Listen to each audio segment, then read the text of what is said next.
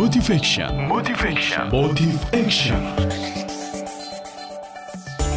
Assalamualaikum warahmatullahi wabarakatuh Mitra Muslim, banyak orang tua sibuk mendorong anaknya sekolah dan kuliah setinggi mungkin Tapi mereka lupa sisi anak yang paling penting yakni menjadi mandiri dan matang Hidupnya tegar, tidak cengeng, atau mudah mengeluh Karena kenyataan tidak bisa dibantah Banyak anak lulusan S1 bahkan S2 tapi hidupnya cengeng, mudah mengeluh, dan tidak tegar menghadapi kehidupan.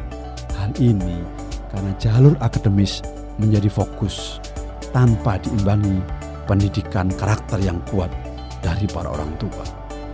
Mitra Muslim, penyebab utama kondisi anak seperti itu karena orang tuanya sendiri yang memanjakan. Anak jadi tidak tahu bagaimana mencari solusi atas suatu masalah karena orang tuanya justru yang mencarikan solusi tanpa memberi kesempatan anak-anaknya menghadapi masalahnya sendiri. Anaknya kepanasan dan kehujanan, orang tuanya sudah bingung. Anaknya kecapean karena jalan ke kampus, sudah bingung. Maka akhirnya masih kuliah sudah diberi mobil. Sudah diberi fasilitas yang berlebih. Maka jangan kaget kalau kelak mereka jadi pemimpin jadi pemimpin, jadi pejabat, anggota DPR, atau jadi apa pun, mereka sulit memahami yang namanya masalah dan kesulitan dan kesusahan rakyat. Karena mereka tidak pernah merasakan kesusahan itu.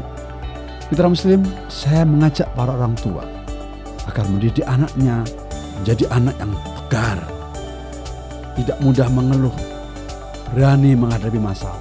Semuanya harus disiapkan sejak dini biar mereka menjadi anak yang kuat, kreatif, dan siap menghadapi masalah apa pun.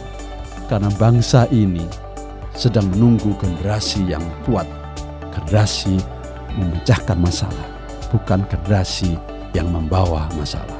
Dan tak ada jawaban yang lain adalah ayo kita kurangi memanjakan anak-anak kita.